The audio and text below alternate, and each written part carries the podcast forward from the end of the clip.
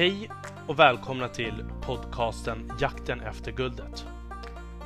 Denna podcast får ni följa mig, Armand Faltin, i min resa att hitta nya drivna vänner i jakten efter guldet. I denna jakt söker jag kunskap, nätverk och relationer. Jag kommer även dela med mig om mina egna tankar kring resan och ta upp aktuella ämnen som dyker upp på vägen. Häng med! Ingenting är omöjligt.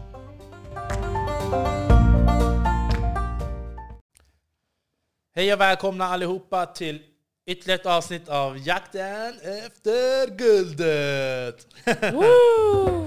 Med mig idag har jag en supergrym gäst, eh, en gammal vän också. Hon är kallad The Woman Behind the Scenes. Hej och välkommen Rosanna! Tack så mycket. Hur känns det att vara med i podden? Jo men det känns bra.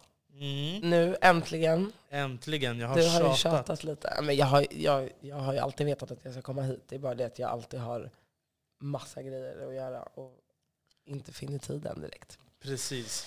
Alltså du, du jobbar ju med, vad är det, produktion? Nej, du skick- tar in människor till Big Brother just nu va? Mm. Det är ett av projekten som jag håller på med nu. Ja. Och sen har du, håller du på med Ex on the Beach och Paradise Hotel och sånt. Nej, nu sakta i backarna här. Jag har gjort, Ex on the beach har jag gjort, men inte Paradise Hotel. Sen jobbar jag ju med influencer marketing. Mm. ja men vad fan, så att de som lyssnar ska kunna lära känna Mm. dig. Kan du inte berätta lite, uh, var du uppvuxen någonstans och vilka skolor har du gått i och hela den biten? Mm. Hur långt bak ska jag gå? Så gå där var ju intressant. Hela mitt liv är intressant. Ehm, nej men eh, jag är ju born and raised på Södermalm i Stockholm. Uh, uppvuxen med min moder på Mariatorget där jag fortfarande bor kvar. Tråkig. Eh, inte hemma hos mamma då, men jag bor kvar på Mariatorget. Ehm, har gått i skolan på Söder, lite olika skolor. Det var lite stökigt när jag var yngre. I gymnasiet så började jag hotell, restaurang. För att jag tycker att det är gott att äta mat. Mm. Eh, det gick sådär. Vilken, vilket gymnasium? Globen, hotell och restaurang. Mm. Mm. Jag gick en lite så här, eh, stökklass i åt, så här, åttan till nian. Då bytte jag från Mariaskolan till Åsö. Och eh, då var det liksom alla som var lite så här stökiga ADHD-personer fick gå i samma klass. Liksom. Och det var en lite så här mindre klass, man hade inte lika mycket ämnen. Och eh, så blev man, fick man liksom som en så här, en rekommendation från lärarna till att man kunde egentligen börja typ i vilket gymnasium som helst fast man inte hade de, de betygen. Och då var jag så här, fan var ska man gå? För det är, det är så jävla sjukt, när man är i den åldern så har man ju egentligen ingen aning om vad man vill bli eller vad man vill göra. Liksom. Utan man är ju bara så jävla skoltrött. Så att man typ tar det enklaste, eller det var det jag gjorde i alla fall. Och då tänkte jag så här, men fan vad schysst att laga mat tre dagar i veckan och ha så praktiska ämnen två dagar. Så jag valde det. Men shit vad man gick upp i vikt där. Mm. Alltså det var så här bagerilektioner sju på morgonen, det, att man trycker i sig bullar och grejer. Så att det där var ingenting för mig. Jag, jag, gick, jag gick typ halva ettan bara faktiskt. Sen hoppar du av. Sen hoppade jag av. Vad gjorde du sen då? Nej men sen kom jag hem till mamma som bara du ska gå i skolan typ. Och jag bara, "Uh, jag vill inte. Och hon bara, men då får du skaffa ett jobb, du har två veckor på dig. Du, sen ska du börja betala hemma typ. Och jag bara, fy fan vad taskigt. Och hon bara, nej tro mig, du kommer tacka mig en dag typ. Eh, och då så, jag började faktiskt plugga på, på eh, vad heter det? De hade så här, typ som en intensivkurs. Eh, där man kunde plugga upp ämnen. Och så gick jag typ så här, ja, men det, det som mamma sa var viktigast. Så här, svenska AB, matte AB, engelska AB. Jag liksom läste upp dem bara för att det var viktigt. Det var så här, åtta veckors kurser typ, så jag bara nötte sönder det och, och faktiskt blev klar med dem. Och sen så eh, sen började jag jobba på Tele2 som säljare. Mm. Jag googlade typ så här, jag vill bli miljonär och då kom det upp så här högst upp, så här, Tele2. så Ja. jag bara okej. Ehm, och ja, på Och den där blev du toppsäljare? Där blev jag toppsäljare. Mm. Det gick fort. Det var liksom min grej. Jag är väldigt glad att jag hittade liksom någonting som jag är bra på från början. Det hade ju lika gärna kunnat gå åt helvete. Liksom. Att jag bara tog något, här, jag ska bli, jobba på ICA typ. Mm. Jag kommer ihåg när vi jobbade på BBP. ah, Och... eh, Men det var ju det, där jag började. Ja, det var där det, är ju det, började. ja, men det var mitt första jobb. Då var jag Okej. 16. Ja. Tiden är sådär långt bak ja. ja, jag hade ju precis... Man börjar väl i gymnasiet när man är 16? Ja. Ja, precis. Ja. Och då började man ju typ augusti. Jag tror jag gick... Nej, man bör, nej när började man? Innan sommaren eller sådär. Eller? Jag kommer inte ihåg. Skitsamma. Jag började i alla fall jobba där på BBP i augusti. Jag kommer ihåg det. 13 augusti, typ så här 2007 eller något sånt där. Och du var ju sista bossen där. Mm. Alltså, du, kunde, du kom ju in vid, efter lunch. Mm.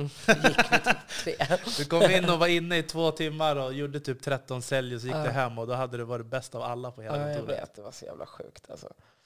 Ja, det var riktigt nice. Jag bara tänker, tänk om man hade va- varit där alla timmar. Man hade ju ändå en ganska bra lön då alltså. Mm. Alltså, vad tyckte du att det gick upp i huvudet på dig för snabbt när det gick sådär bra i början? Eller?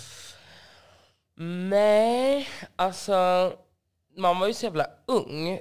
Så här, det, det som jag kan, alltså så här, det som var väldigt kul var ju att så här, jag bodde hemma, jag var väldigt ung, typ alla mina vänner gick ju typ i gymnasiet, eller så här, de flesta, vissa jobbade väl liksom, men, men så här, jag hade väl, tjänade väl bäst, om man säger så. Liksom. Alltså jag hade lite för mycket pengar för att veta vad jag typ skulle göra med dem. Det var ju så. Du var ju höginkomsttagare. Mm, ja, exakt. Ja, men då blev det typ att man bara kom vi reser, så här, bjöd med sina polare eller bara åh vi gör det här. Du vet, man fick, betalade allting, men det var ju roligt liksom. Men så här, hade man börjat spara lite då kanske man aldrig hade hamnat i Lyxfällan. Exakt. Men du var ju med i Lyxfällan också ja, på TV. Ja, det var jag. Kan du berätta där, var det en PR-trick eller? Ja, men lite, alltså det är så jävla, åh, det är så sjukt. Jag hatar typ att prata om det. Men nu har jag, nu har jag lite så här kommit över det tio år senare. Eh, nej men, det var ju att jag, ja men kort därefter, eller ett kort, ja men typ så här, jag började ju blogga och så. Mm. Eh, och fick väl en ganska stor blogg liksom. Och eh, samtidigt så jobbade jag ju fortfarande med sälj och tjänade bra pengar och sådär. Och liksom jag, hade fått, jag fick ju lägenhet när jag var typ 18, 19. Eh, och, och fortfarande levde väl lite liksom, ja men så här, som jag ville. Alltså så här, jag har aldrig varit speciellt ekonomisk liksom. Och sen så hade jag, jag hade alltid väldigt mycket folk hemma hos mig. Och det var också väldigt ofta där det var så här vänner som inte, inte bodde själva och var så här, kan inte jag få flytta in till dig? Och jag bara, ja men självklart. Och du vet, så blev det liksom kaos. Och då hade jag en, ehm, en killkompis som bodde hemma hos mig. Per Robin äh, heter han. En sån här komiker, superkul kille. Men han bodde hos mig och tyckte att jag festade alldeles för mycket och att jag spenderade alldeles för mycket pengar. Liksom. Och då var jag ju typ 19. Eh, Så han anmälde mig i smyg till Lyxfällan faktiskt. Så de ringde mig en dag. Eh, och då hade jag så här, för när man, eh, det här, är så här känner väl säkert alla till, men när man liksom tjänar mycket pengar så, så blir det ju typ att ja, så här, banken hör av sig och säger åh vi har ett kreditkort om du vill ha det här, en platinumkort och det här och det här. Ja, men liksom, du får ju erbjudanden på olika krediter liksom, för att du har en bra inkomst. Typ. Och jag var så här, ah, men gud, toppen, skicka hem dem. så att jag hade ju lite så här krediter och sånt, men jag var aldrig liksom hos Kronofogden eller någonting sånt, utan det var mer bara att jag låg typ 30 000 back varje månad. Men jag betalade alltid in dem när jag fick min lön, så jag hade aldrig någon räntor eller så, men jag låg alltid liksom back typ. Mm. Men så här, jag tyckte inte att det var någon grej egentligen. Och då när de ringde mig så var det så här, ja men du vet, de sålde in det. Nu, jag jobbar ju med tv idag själv liksom, men det är så här, ja men gud, ska du stå där sen och ja, tänk hur det kommer gå. Eh, så jag bara, ja men toppen, det låter väl skitbra att ni kan hjälpa mig att styra upp min ekonomi. Jag hade väl inte så bra koll heller på vad det var liksom. Så jag gav mig verkligen in i någonting som jag fick ångra djupt. Men vadå, bodde inte Jackie hos dig då också? Jo, när vi då spelade in det, så då, som sagt, jag bytte ju hela tiden. Det var ju alltid någon som behövde...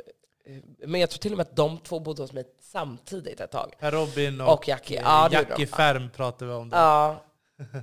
Det här är alltså så här 2010 liksom. Men då, ja, då bodde hon hos mig och eh, fick väl vara någon så sidekick i programmet. Och hon så här, alltså, de var så jävla på de här programledarna. Var du så här ung? Och då hade Uh, Jackie, hade, var det Paradise Hotel? ja, hon hade var precis varit med i Paradise Hotel. Ja. Ja, det var ju 2010. Så det var ju väldigt länge sedan, alltså det är tio år sedan. Det- Ja, shit. Det känns inte som det. Nej. Ehm, Nej, men det var väl väldigt så här, de var väldigt, de var väldigt på hugget liksom, och de försökte måla upp en egen story, för då var det ju typ så att ja, men jag hade ju en ganska stor blogg, och min pappa var väl lite känd och liksom så här, ah, Kan du berätta lite om det då? Mm. Om din... så här sidospår hela tiden. Ja, men ursäkta, ja, förlåt. Ehm, nej men han, han, nej men han är väl lite så här ökänd i, i Stockholms nattliv. Han startade första eh, nattklubba, nattklubbarna, Alexandras. Och, eh, och så här, han var gift med eh, Cynthia Lennon på det då. Och jag vet inte om de tyckte väl att det var en rolig story typ. Och så här, försökte få det till att så här, Åh, hennes rika pappa har försörjt henne, vilket absolut inte stämmer. För jag är ju så här uppvuxen med min mamma typ enbart. Så att, eh, ja, men du vet, så man blev ju lite när man såg det på tv att så här, Åh, det var inte riktigt så här, jag hade tänkt mig att det skulle vara. Men strunt samma, nu är de klippen nedtagna och vi kan lägga det åt sidan tycker jag. Okej. Men eh, nu, vi hoppade lite grann där i historien. Mm. Men, eh, vi går tillbaka då till eh, Lyxfällan och Mm. du blev klar med det. Och, Ja, ehm, men det var ju inte jättekul att se det. Liksom. Jag var ju ganska arg för att jag, de, jag tyckte att de liksom förvrängde allting och så målade upp mig som någon så sur tonåring som lever på pappa. Typ. Eh, men det var inte så mycket mer med det. Sen så... Mm, vad hände sen? Men Jag fortsatte väl jobba lite på olika företag. Jag var, var så här försäljningschef på lite olika bolag. Eh, och sen så var det ju många av mina vänner som jobbar med liksom så här sociala medier och sådär. Och inte hade riktigt koll på så här, vad, vad man tar betalt och så här. Jag hade ju jobbat med så här platsannonser och ganska mycket så här onlineförsäljning och även så här på bloggportaler och sånt där. Så att det blev väl typ naturligt att jag hjälpte många av mina eh, liksom, kompisar eh, med, med samarbeten och sånt. Vad de skulle ta betalt och liksom sådär. Eh, och till slut så till slut så kände jag väl bara att liksom, jag kanske också måste ta min katt av det här. verkligen. Mm. Var det här, då jobbade du med Alexander Pärleros då? Då jobbade jag med Alexander Pärleros. ja, på- Har han också varit med i något program eller? Nej, han har ju podd. Ja, jag vet. Men jag har för Mm. mig att han har, varit- har han inte varit med i Big Brother eller någonting sånt. Har han? Jag vet inte. Alltså jag, Gud, det här måste vi googla. Vänta. Kolla. Men det jag tänker jag att alla dina vänner har varit med i något tv-program. Nej men sluta. Det, så är det verkligen inte. Pärleros. Vad hände sen då? I, eh, när du började ta hand Vem var din första klient som du kände så att du hjälpte till och, och med annonsering och ta, liksom vara lite manager? Alltså jag hjälpte ju, gud, jag, eh, Alexandra, då var ju hon Kissy. Henne hjälpte jag ju faktiskt en del med hennes blogg och sånt där. Sålde lite. Eh, men sen så har jag ju, eh, alltså jag har jobbat med väldigt många liksom så här, som jag kanske inte har jobbat med hel, alltså he, enbart, utan bara så här, när det har dykt upp någonting. Sen har jag jobbat med Jasmin Gustafsson väldigt mycket. Det är väl typ fem år nu Mm. faktiskt. Det är kul, det går bra för henne. Ja, det är henne du har tagit, alltså som du är liksom mest... Mm. Ja, men henne har jag nog lagt ner absolut mest tid på. Mm. Och liksom hjälpt henne. Men därför där har jag också hjälpt henne med precis allt. Liksom. Ja, så förhandlingar, om det har varit något tv-sammanhang eller om hon ska så programleda någonting. Alltså, det, så, då har jag varit den som har styrt skeppet, så att säga. Hur ser det ut i de här processerna? Är det, liksom, är det du som greppar tag i, i företag eller är det företag som ringer dig? Hur, Alltså jag tror att till en början så är det nog mycket att man får jaga själv. Alltså så här, om, det, om vi sätter en person som är så här, som kanske inte är där än, men så här, det rullar på och sådär. Eh, men ju större de blir och ju mer, alltså så här, ju mer de växer och syns så blir det ju fler och fler företag som hör av sig. Liksom. Sen det, betyder det inte att man vill liksom jobba med alla dem bara för det. Det kommer ju in förfrågningar varje dag. Liksom. Men man kanske inte väljer alla. ja, Eller man exakt. gör inte det helt enkelt. Alltså, Ni måste strategiskt välja dem för typ varumärkesbyggande. ja, precis. Ja. Mm. Men eh, vilka tycker du eh, har varit svårast eller enklast att liksom arbeta med när det gäller att knyta till sin bra varumärke? Är det något sånt du får säga eller? Nej, alltså det känns ju lite fult att säga. Nej men så här, jag, alltså så här, de, de som man väljer att jobba med är ju liksom, alltså man, man, kanske, man väljer inte att jobba med någon som kanske har så här, asruttna åsikter och typ, ja men du vet, Mm. man väljer ju kanske någon som ändå är, så här, är lite bright. Alltså, Så det så. är ingen du vill liksom tvätta ren och skapa? Jo, men så är det ju alltid. Alltså, så var det ju typ med Jazz också. Så här, hon var med i Paradise Hotel, hon kanske liksom inte fattade att man riktigt kunde tjäna pengar. Och det var mycket så här... Alltså så här, allting behöver man kanske inte visa på sociala medier. Typ. Det är väl mer det. Att man kanske försöker så här, någonstans vara lite som en mentor också. Att typ så här, men om du vill, så här, var, var, vart vill du nå någonstans? Om jag vill komma hit upp typ, och jag vill bli det här och göra det här. Ja, men för vägen dit, då kanske du måste tänka på att det här inte funkar och det här kanske inte funkar. Och gör mer så här, typ. Alltså så. Men vad då känner du typ Joakim och Jonna och dem också då eller? Eh, alltså känner och känner, vi är väl bekanta liksom. Mm. Ehm, jag träffade ju han Joakim Jockiboi när han var Jockiboi. Liksom, alltså då typ ti- 2010 liksom. Mm. När han också var kaos typ. Ehm, men det går ju bra för dem. Det är kul. Ja men exakt. Det är ju, Mm. visst, det är ju ett, några som har skapat sig en stabil grund framåt. Liksom. Mm. Men han var ju också alltså väldigt tidig på Youtube. Det är det. Youtube, alltså de flesta som har varit tidigt på Youtube har ju blivit svinstora. Liksom. Sen gjorde han ju också så saker som ingen annan gjorde. Vilket blev väldigt uppmärksammat. Liksom. Men jag har hört också att eh, väldigt många undrar hur ska man vända Jocke och Jonas fan? Alltså det går inte att tjäna pengar på dem än för att det är barn som tittar på dem. Mm.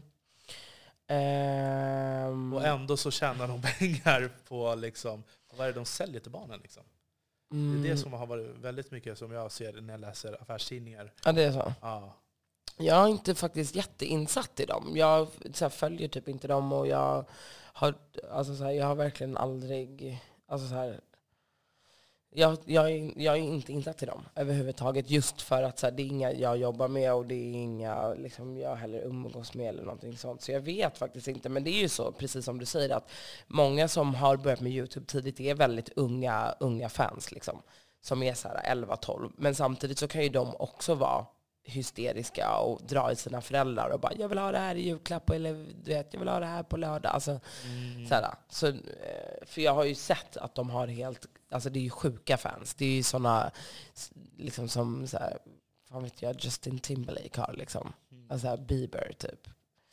Vilka andra svenskar har vi som har såna där, alltså som folk blir starstruck till? Ja, men det är väl typ, säga, kanske Sara Larsson, Mm. Bianca Ingrosso. Typ. Det är ju ingen som så skriker efter Carola liksom. Eller vad jag vet. jo, jo. Men vad då Chasse då? Alltså hur... Men hon för har, hennes, vad sa du? nej, alltså när jag, när jag har sett henne så verkar det som att hon är helt vanlig. Hon chillar ju bara runt med dig inne i stan. Det vet du Ja, men vadå? Vad ska... Rycker det fram folk i henne? Ja men det gör det absolut. Alltså, det tror jag att det gör med de flesta som väljer att exponera sig på det där sättet. Liksom att man syns och man delar med sig mycket av sitt liv. Hon har varit väldigt öppen liksom med, ja, med så här, sin pappas bortgång eh, och liksom, ja, men i alla väder. Liksom. Det har varit glada miner, hon har varit ledsen. Alltså, så här, de visar ju, alltså, när man håller på med YouTube och sånt, de visar ju otroligt mycket sånt som vi andra som inte är så där offentliga liksom, kanske delar med oss av. Jag skulle inte sitta och lägga upp vad som helst liksom, för att jag, jag, känner inte, jag känner inte att jag måste göra det. De känner ju, alltså jag tror att de flesta känner att så här, jag har så här mycket följare, jag är, jag är skyldig att berätta för dem det här och det här och det här. Liksom. Folk är ju väldigt privata och då tror jag att det blir att folk verkligen känner att så här, jag känner dig. Alltså, de kan ju komma fram och bara, åh gud, jag älskar dig och gråta och bara, jag känner dig. Liksom. Fast de absolut inte gör det. Liksom. Nej, precis. precis.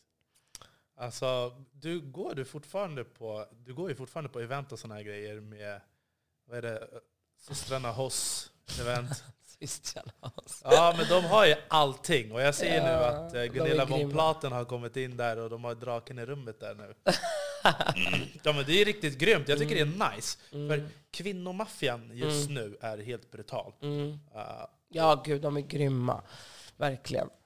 Eh, jo men det händer väl. Nu är jag lite så här uh, new year, new me. Så att jag försöker liksom take a step back och inte kanske festa så mycket. Men eh, absolut så går man väl på lite grejer. Liksom. Men det är ju också så här, alltså mycket sånt gör man också för att typ networka. Sen är det ju typ kul, typ som du säger, systrarna Host är ju väldigt nära vänner till mig. Och när man väl går på deras grejer så är det ju också, man träffar väldigt mycket vänner till en. Liksom. Så det brukar oftast vara väldigt intimt och roligt. Ja, Stockholm är väldigt litet alltså. det är otroligt litet. Alltså, too small. alla känner alla. Ja, Men det är så kul för att när man träffar så folk, typ som nu när jag jobbar med Big Brother, att man träffar ju väldigt mycket liksom folk från andra städer och sådär. Och de är ju så här, wow, du vet, tycker liksom att Stockholm är the shit. Och så här, it's big. LA Alltså, eller någonting. Nej. Men det är ju inte det. Man, man går ju bara ut på gatan så träffar man ju garanterat på någon. Jag tror jag aldrig har gått ut och inte träffat på någon jag känner. Det är ändå ganska konstigt. Men tänker du så här, äh, kändis och kändis. Är det alltid kändisarna som är de största kändisarna? Kommer man in överallt och är välkommen liksom överallt? Eller måste man känna någon? Räcker det med att vara kändis eller måste du känna någon? Vad menar du? Aha, okej. Mm. Nej, jag tror du måste känna folk. faktiskt. Eller hur? Mm. Eller, ja, det tror jag. Alltså jag vet ju, jag kommer ihåg, alltså det här är ju också hundra år sedan, men typ så här, Jessica Alba blev nekad på kaféet. Alltså det är ju helt sjukt. Liksom. Ehm, så att jag tror att du måste känna någon. faktiskt. Mm. Så Jag, tycker, jag brukar alltid säga att Stockholm, Stockholm vi har så här utkastare och i andra länder har de inkastare. Precis, precis. Det är sant. Dröm och glöm att komma in på Ja, men, krogen. så. Stockholm. men också att så här, man går utanför en klubb så är det så här, poff, packat med folk liksom, utanför. Man bara, varför är de inte innanför? Ja, men du, jag tänkte så här, ska vi ta en liten eh, paus och så börjar vi igen då? Mm. Mm. Hej hej så länge!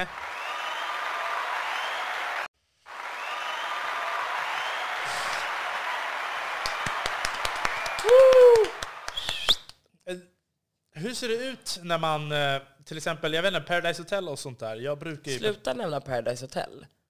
Oj, okej. Ex, Ex on the beach. Nej, jag ska. Ja, men det är alltid samma deltagare som kommer in. Har I jag. hört. Paradise Hotel, ja. Ja, inte Ex on the beach eller? Nej, absolut inte på samma nivå som på i Paradise. Så ni har aldrig tagit in samma Jo, personer? det har vi gjort. Men vi kan till exempel, alltså varje säsong, om vi inte gör en All-star-säsong, där man då tar tillbaka gamla deltagare, så försöker vi alltid hitta nya människor. Sen kan det vara så att man kanske vill lyfta upp så här, och vi söker en person som är så här. Alltså bara, men fan vi har ju Adde som har varit med, han är ju så jävla rolig, vi tar in honom igen. Alltså typ så, att man tar in en, kanske max två eller du vet så. Men vi tar inte in liksom, det är inte så att någon är med i sju säsonger i rad liksom. Får de, alltså, får de pengar då för att vara med för att de redan är stjärnor och drar publik? Eller Hur ser de- Ja, det är olika. det är olika? Mm. Vissa går dit och bara nej, men fyller på sitt egna varumärke. liksom. Ha. Ja, så Ja. kan det vara. Absolut. Mm. Men kan du berätta då, hur ser de här casting, hur brukar de här castingprocesserna se ut? Mm. Ja, alltså så här, jag kan ju bara utgå från hur vi är på Ex on the beach då. Eller typ Big Brother nu då. Men ja, på Ex on the beach så, så ehm, folk fyller i ett ansökningsformulär och så kommer det in i vår databas. Och sen så går man igenom och kollar de här ansökningarna om man hittar någon trevlig liksom. Eh, jag, jag jobbar ju mest med typecasting. Och det är att jag liksom headhuntar folk själv. Så jag går ju inte så jättemycket på ansökningar, utan jag går mest på liksom rekommendationer eller så här, vänners vänner, småsyskon, eller du vet, för man känner ganska mycket folk, så det är ändå relativt lätt att liksom hitta eh, utan ansökningsgrejen. Och sen så sitter vissa och rotar där och jag försöker liksom hitta folk. Och då går det till som så att på Ex on the beach så, ja men så här, vi säger att jag hittar någon som är ashärlig, då ber jag den söka in och sen så får den liksom uppge alla dens ex. Mm. Och ex kan då vara allting från ett one night stand till ett förhållande och liksom allt däremellan. Ja men det blir svårt för är man 20 så kanske man inte har haft 10 förhållanden. Liksom. Mm. Vad, vad, vad är riktlinjerna? Liksom? Vad kollar ni? Vill ni ha en blandad ålder eller så här, helst unga? Ehm, mm, nej men alltså så här, allt mellan kanske 20 och 30, 20 och 27 kanske. är väl det ultimata. Ehm, men så här, alltså, vi har väl inga, så här, det, det, vi tar inte in någon som är 40 liksom. Varför inte? Han kan väl liksom rocka Ja, loss. men det blir lite konstigt om någon är 40 och någon är 18 liksom. Eh, men sen så här, man försöker hålla en ungefär jämn ålder i alla fall. Eh, och så här, vi vill helst inte ta in folk som går i gymna- gymnasiet och sådär, utan du ska väl ha gått ut skolan liksom. Ja, Och Big Brother. och Big Brother, där är det ju mer, det är en, eh, alltså enklare på så sätt att man inte behöver hitta ex. Och eh, där är det väl, eh, ja, men där är det ju en salig blandning liksom. Hur kom du in på det? Var det via typ Krille och Rodney och dem? Eller? Alltså, hur kom du in på... Mm, nej, alltså eh, jag jobbar ju på Meter Television. Och vi gör ju liksom Ex on the beach, Hollywoodfruar. Hur länge har du jobbat där? Men det är ju där, jag, jag konsultar ju där. Aha, exakt. Det var det jag tänkte. Mm. Du har inte känt som att du har varit på en fast arbetsplats länge. Jo, men jag är där och konsultar. Jag sitter ju där på kontoret, Ja. ja, för det mesta. Eh, men sen kan man ju jobba mycket hemma eller du vet, någon annanstans också. Men så här, åka runt och så. Men, eh, och det bolaget gör ju liksom hur mycket program som helst. Så då blir det att typ när man är klar med ett så får man frågan om något annat kanske. Och så tackar man ja eller nej. Liksom. Och då tyckte jag att ja, men fan vad kul att göra något nytt. För jag har ändå så här, varit med på åtta säsonger typ, av Ex on the beach. Så ja, det är ändå kul att typ testa något nytt. Och det här är första Big Brother, eller? Mm. Det, det kommer ju tillbaka. Det var ju, det, sist så var det väl 2015 tror jag, eller något sånt där. Mm. Så nu kommer det tillbaka med stora steg. Men Varför har det känts som att jag har trott att du har haft med Big Brother att göra tidigare? Är det bara för... Nej, jag, jag har ingen aning. Jag har inte haft med det att göra. Mm. Okej. Mm. Hur ser planerna ut för framtiden då? Ehm, ja, alltså... Jag ska flytta, tänkte jag. Det är ett... Det vill jag fan göra i år. Alltså jag satt det som ett typ, krav att jag ska flytta i år. Gud. Ah, Oj. Ehm, det vill jag verkligen göra. Sen har jag ju eh, gått in i en app några Just vänner. det.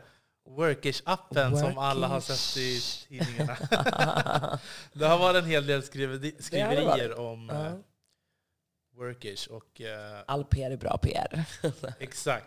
Och, och vad, vad tycker ni där? Liksom? Vad, vad, hur var det att få all den här kritiken? Jag kommer ihåg att jag ringde dig Mm. direkt efter jag såg att ni var Helt kåt. Ja. Du bara, hallå, kom och gästa min podd nu. Man bara, fuck you. Precis, precis. Ehm, nej men alltså, det var väl inte jättekul. Alltså så här, i och med att det, eh, alltså så här, det är ju mycket liksom tid, pengar och allting som ligger bakom en sån här grej. Det är ju ingenting som har jobbats med den senaste månaden, utan det är ändå någonting som har jobbats på i flera år. Förstår du? Så att det blir lite liksom... Eh, samtidigt som så här, jag är ju van vid sådana grejer. Jag tror att Linda också är väl lite van vid att det kan hända sådana saker. Liksom. Och så. Skriverier och sådär. Ja, eh, men det blir ju tråkigt när det liksom ja, men är någonting som man har så här, byggt upp under en lång tid. Liksom. Och de så här, killarna som är med oss också som har verkligen så här, ja, men du vet, kommit på... Det är en jävligt bra grej. Det är bara det att jag tror att um, folk är lite bajsnödiga, tycker jag. Alltså så här, gigappar är det nya, det finns hur många som helst. Och det är så här, de, majoriteten går jävligt bra. Liksom. Och det finns ju en anledning till att de går bra, för att det finns ett behov uppenbarligen. Liksom. Och då tycker jag att så här, finns det ett behov, varför ska man inte kunna liksom, skapa det? Sen tror jag att, så här, det, att det blir mycket mer snack just också för att Linda är med i den och hon är offentlig och, och man ska klaga på att så här, "Åh, hon är från orten och nu säljer hon ut orten till överklassen. Och det, är inte, alltså så här, det är ingen som har nämnt det överhuvudtaget. Nej. Att Alltså, det, här är, det här är en app som är menat för folk i orten. Alltså det är bara löjligt. Och så här, jag kan ju bara utgå från mig själv, men så jag har jobbat och varit väldigt driftig sedan ung ålder. Jag sålde liksom majblommor när jag var typ 8-9 år. Eh, och vad fick man för dem? Man sålde en majblomma för typ 25 spänn. Vad kan man ha fått? Två kronor per majblomma, typ. Jag sålde alltså, så mycket majblommor att han som ägde det i hela Sverige erbjöd mig att ta över det för att han var så gammal.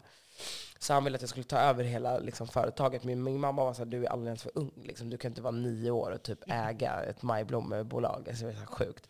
Så att jag, jag har varit väldigt driven av pengar sedan ung ålder och så här, men det, kunnat gå och rasta någons hund och fått en hundralapp. Men det.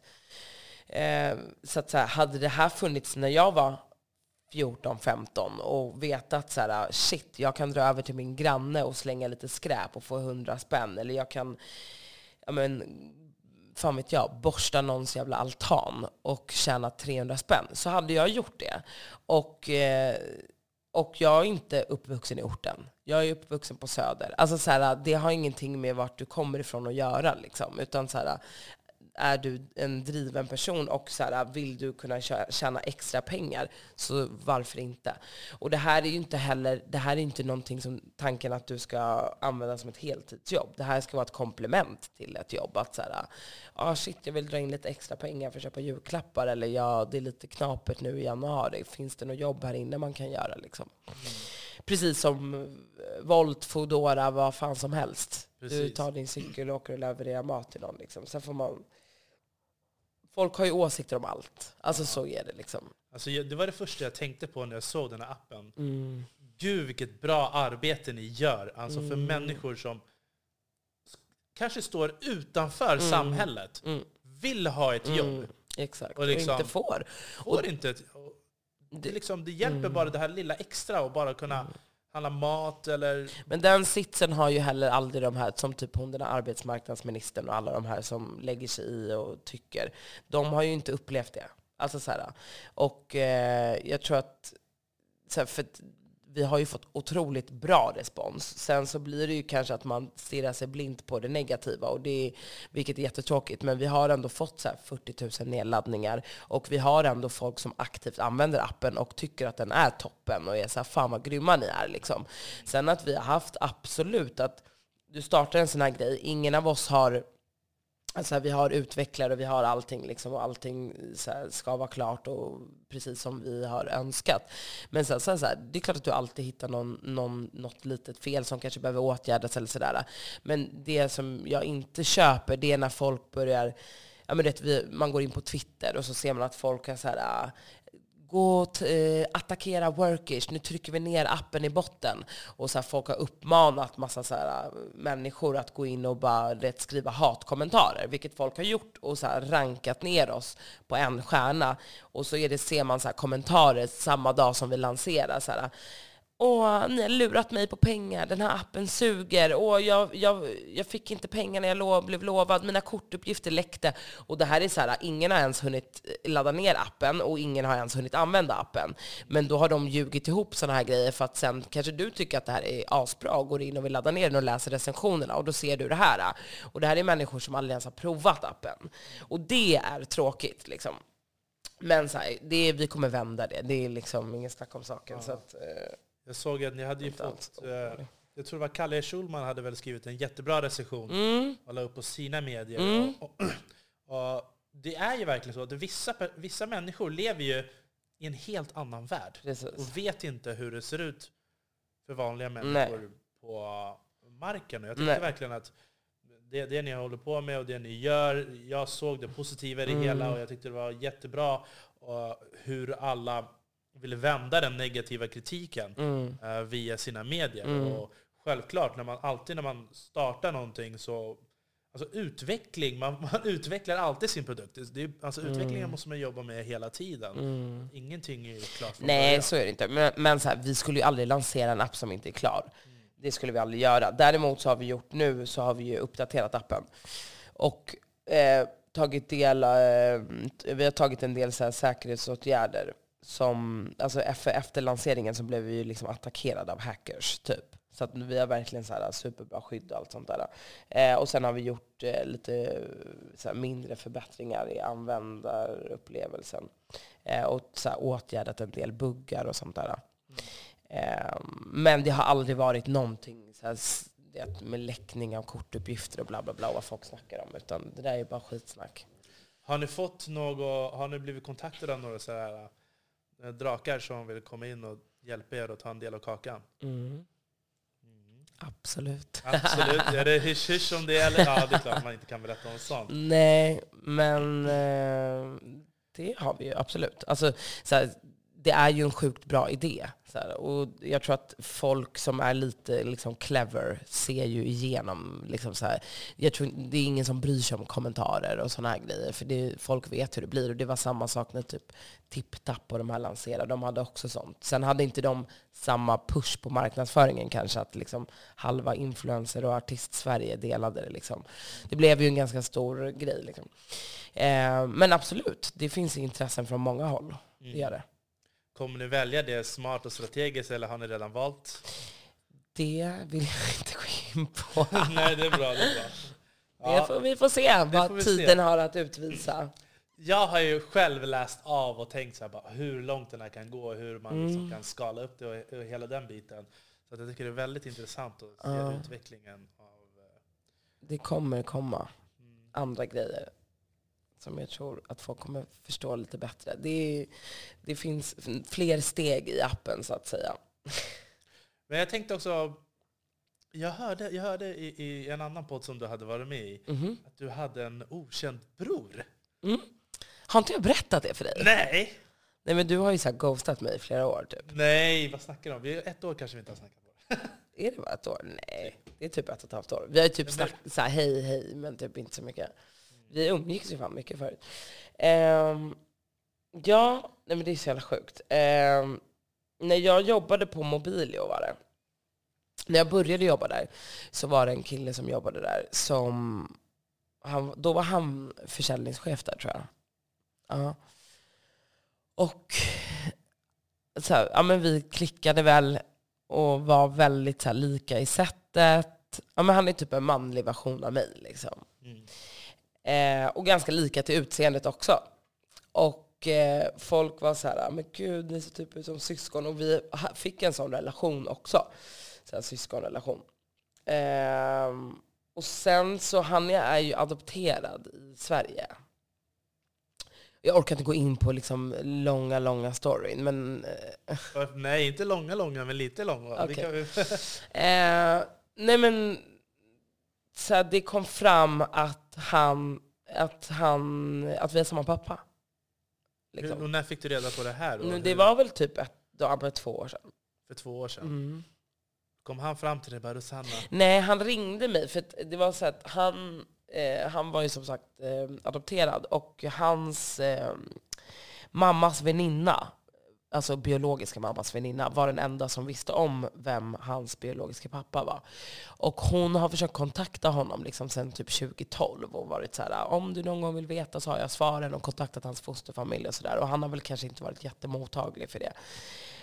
Um, och sen flyttade han till Danmark för typ två, tre år sedan. Och då var han så här, skulle börja söka lägenhet och så. Och ja, men på Facebook så fanns det som en så här utkorg där det ham- allt hamnade som folk som han inte liksom var vän med och så. Så han scrollade där och då fick han upp hennes namn och liksom så kände igen det. Så han bara, hmm, just det. Och då hade hon skrivit så här, "Ja, men om du någon gång vill veta så har jag alla svaren och bla bla bla. Och så ja, men, tog väl han kontakt med henne liksom. Mm. Varpå hon då drop the bomb.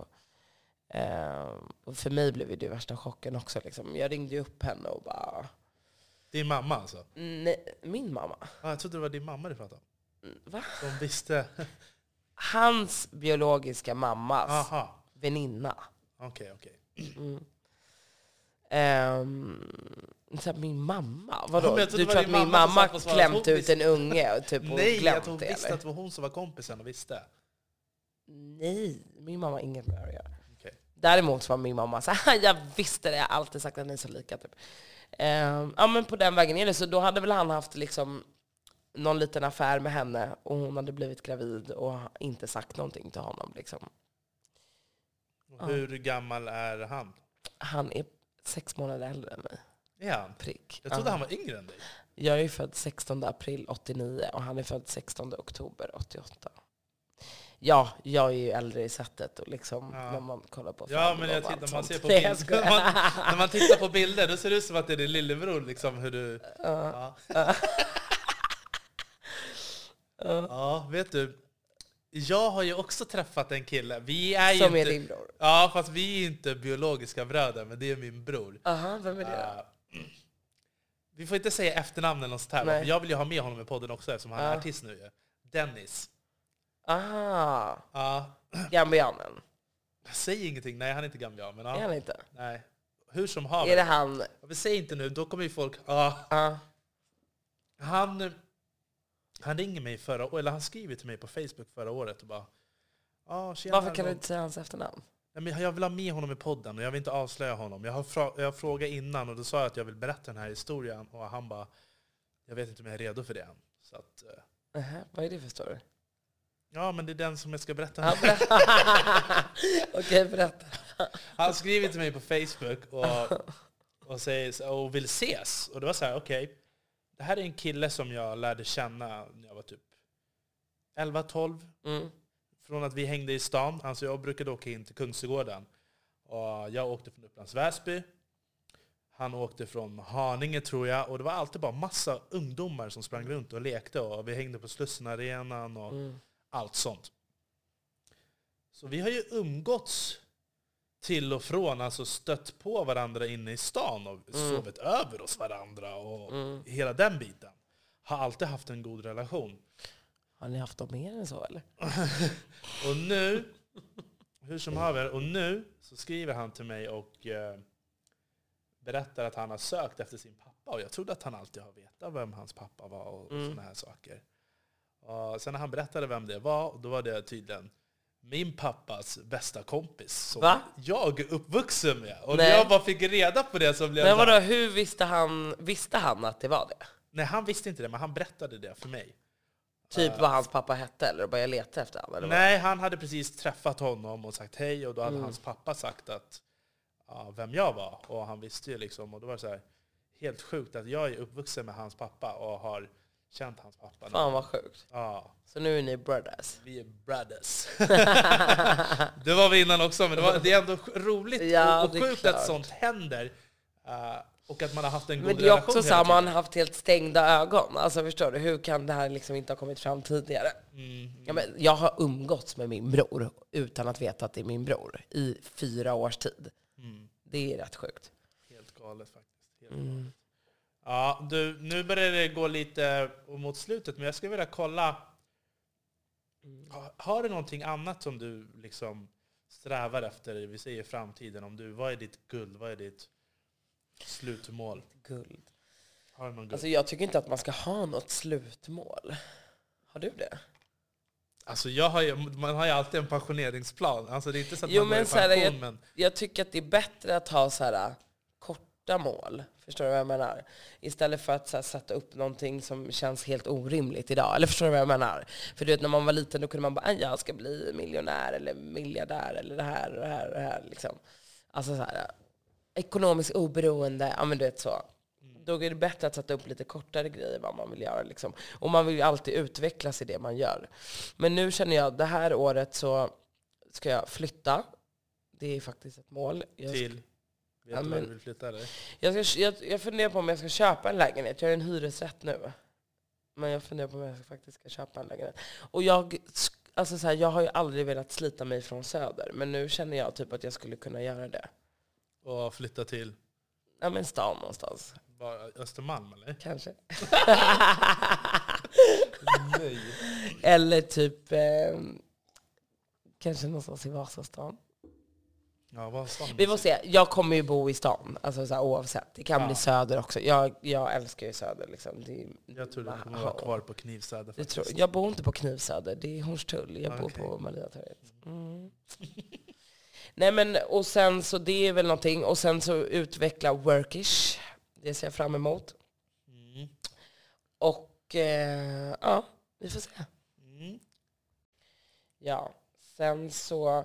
Nej men så här, i alla jobb jag gör, jag gör jävligt mycket olika grejer. Alltså inte bara tv och influencer marketing, jag gör massa annat också. Jag håller på en del med så här fastigheter och sånt också.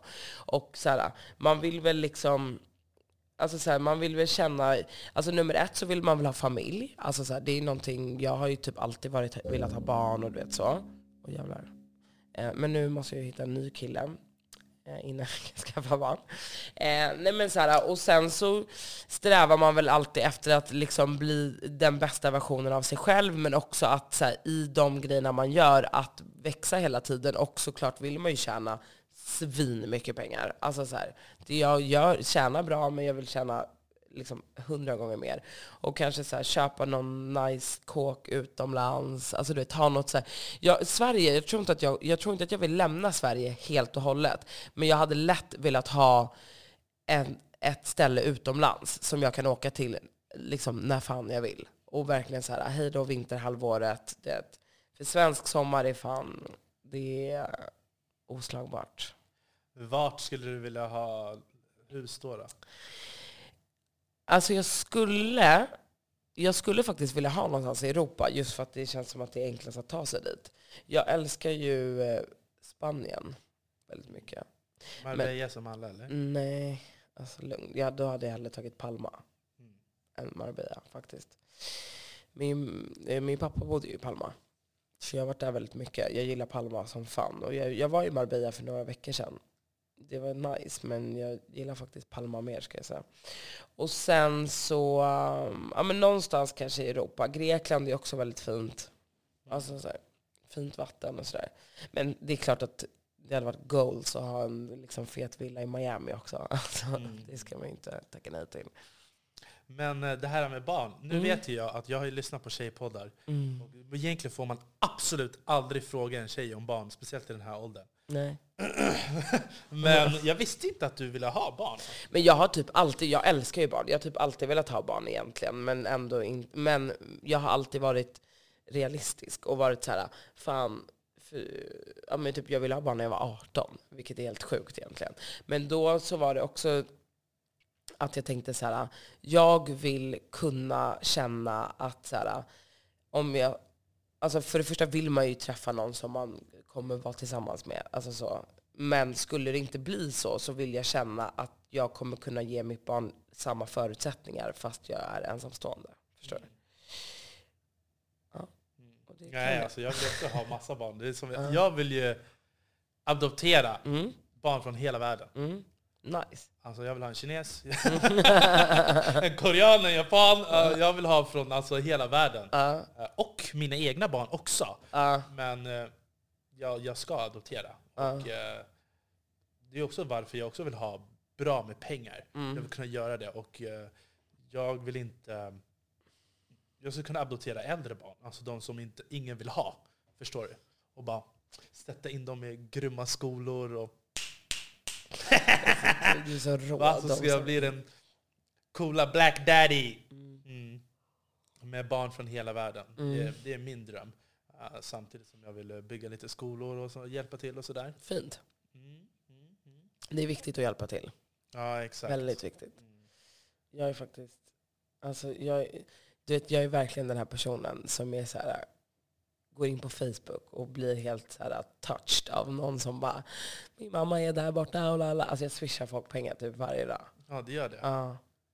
Jag, alltså jag vet inte, jag tror fett mycket på karma och jag blir också så jävla berörd av sådana grejer. Typ så här. Och jag bara tänker om man själv hade varit i den situationen och att så här, bara ta det modet att så här, gå ut på sociala medier och så här, ja, men så här, erkänna, det kan ju vara vad som helst, liksom, med folk som lider av någon, någonting eller så här, någonting som är jobbigt eller tufft. Eller bara, bara, bara det är ju bara jobbigt att göra. Så då jag, jag brukar faktiskt alltid göra det. Och också folk som ibland är så här, jag har inga pengar till mat eller det här och det här. Ja, de också. Ja, ja, alltså jag är helt så här, jag bara, Men jag tänkte, har du registrerat dig på det här Tobias-registret för den här Erik? Det har jag faktiskt inte gjort, men det ska jag göra.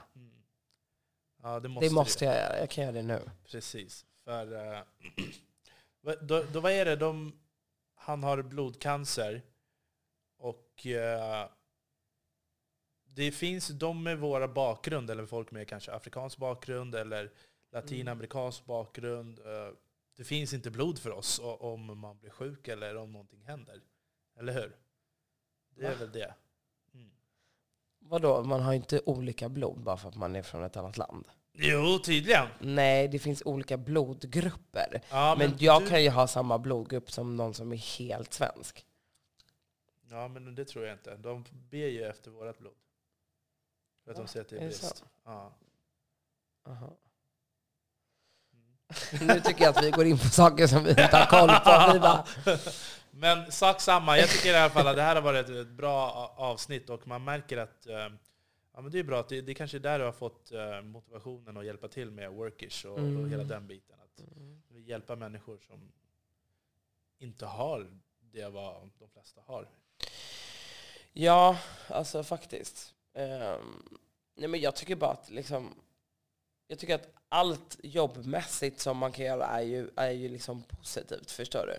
Och att så här, folk väljer ju själva om man vill tacka ja till ett jobb eller inte. Liksom. Alltså så här, det är ju inte under något speciellt tvång.